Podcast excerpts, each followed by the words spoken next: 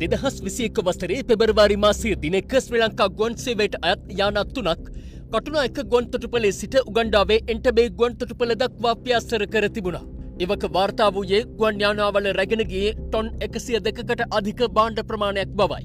කෙසේ වෙතත් එම යානාතුනේ රැගෙනගේ කුමක්දැයි මෙරට ජාතික පුවත් පතක් පසුගේ වසරේ අප්‍රේල් දහ අටවනදා සිද්ධියට සම්බන්ධ පාර්ශවවලින් ප්‍රශ්න කර තිබුණා.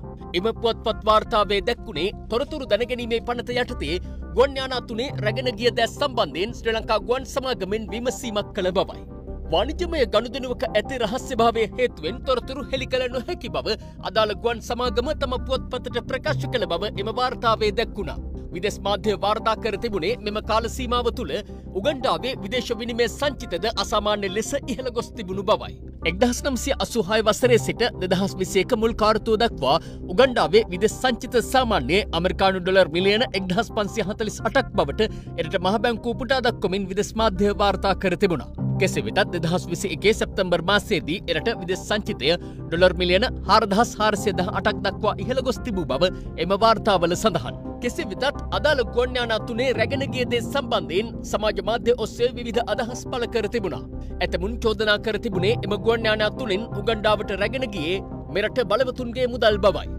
මෙලෙස දිගින් දිගටම එල්ලවන චෝදනා හමුවේ උගණ්ඩාවට මුදල් රැගෙනයාමේ සිද්ධියෙන් වසරකට පමණ පසුව ශ්‍රී ලංකන් ගොන් සේවය සිද්ධිය සම්බන්ධයෙන් පැහැදිලි කිරීමක් අද සිදු කළා.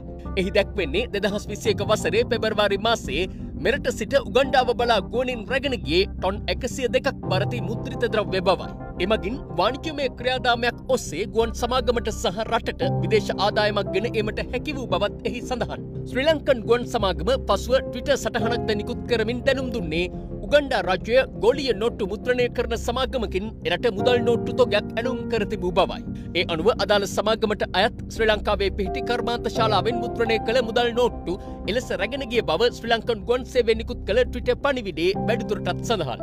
මෙවැනි පසුබිමක මුදල් විශුද්ධිකරණය හා ත්‍රස්තවාදයට මුදල් සැපීම වැනි ජාත්‍යන්තර අපරාධ වැලැක්වීමට අසමත්වීම සම්බන්ධයෙන් උගණ්ඩාව අසාදු ලේඛනගත කිරීමේ අවධානමක් මතුව තිබෙනවා. එම අනතුරු ඇඟවීම නිකුත් කර ඇත්තේ මෙවන් අපරාධ සම්බන්ධයෙන් සම්මත හඳුන්වාදී ඇති ජී හත සංවිධානයේ විශේෂ බලකාය මගින්.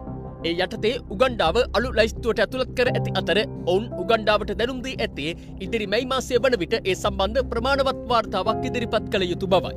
මේ අතර අදාළ මුදල් නෝටු මුද්‍රණය කරන ඩිලාරු සමගම ට්විට සටහනක් තබමින් පවසා ඇත්තේ ලෝපුරා මහබැංකුවලින් අඩක්ම තම ආයතනයටතේ මුදල් මුද්‍රණය කරන බවයි. ශ්‍රී ලංකාව කෙන්ඩාව මෝල්ටාව සහ එක්සත් රාජධානී යන රටවල සිය මුද්‍රණ ආයතන ඇති බවත් සිය පාරිභෝගිකෙන් සම්බන්ධයෙන් ප්‍රකාශ ලබා නොදෙන බවත් එම ට්විට පනිවිඩය මගින් එම සමගම පෙන්වා දෙනවා. මේ සම්බන්ධයෙන් පාර්ශව කිහිපයක් මෙලෙස අදහස් පල කලා. ඒකන උගන්ඩාව සල්ලියච්චු ගහගන්න ලංකාවට වෙන්න ඕනද සා උගන්ඩාවෙන් ඔය මේතකාල ගනතුර විතරක් මේ වුණේ තව ගණතුරු සිද්ධ වුණා. ඒතර ඒ ගණතුරු සිද්ධ කරේ කවුද? සහ මේ රටේ තියෙන දේශපාලන අර්බුදය නිසා ඉන්න කල්ලිය තම තමන්ගේ දේපල රටෙන් එළියට ගෙනිනවා කියලා බැහැ පැහැදිලි විවේචනය සැකයක් ඇවිල්ලා තියෙනවා. මොකද පහුගිය කාලේ පැහැදිලිව මේගොල්ලෝ උන්ඩියල් මාකට් එකට මැදිහත් වුණා. කිසිම මුදල් ඇමතිවරයෙක් නැහැ ලෝකේ මේ හවානා උන්ඩියල් වගේ මුදල් වෙළඳපොළවල් අගය කරපු. දැන් අජිත් නිවාඩ් කබ්‍රාල් කිව්වේ අපෝ ඒක සිම්පල් කේස් එකක්. ඒ නිසා මේ රටේ ජනතාව පැහැදිලිව ප්‍රශ්න කළ යුතුයි මොකද්ද මේ සිද්ධ වෙන්නේ කියලා. දැන් අපි දැක්කා උගන්ඩාවේ ඉඳලා ජෙට් එනවා ලංකාව. ඒ ජෙට් එකේ තමයි අග්‍රාමාත්‍යවරයා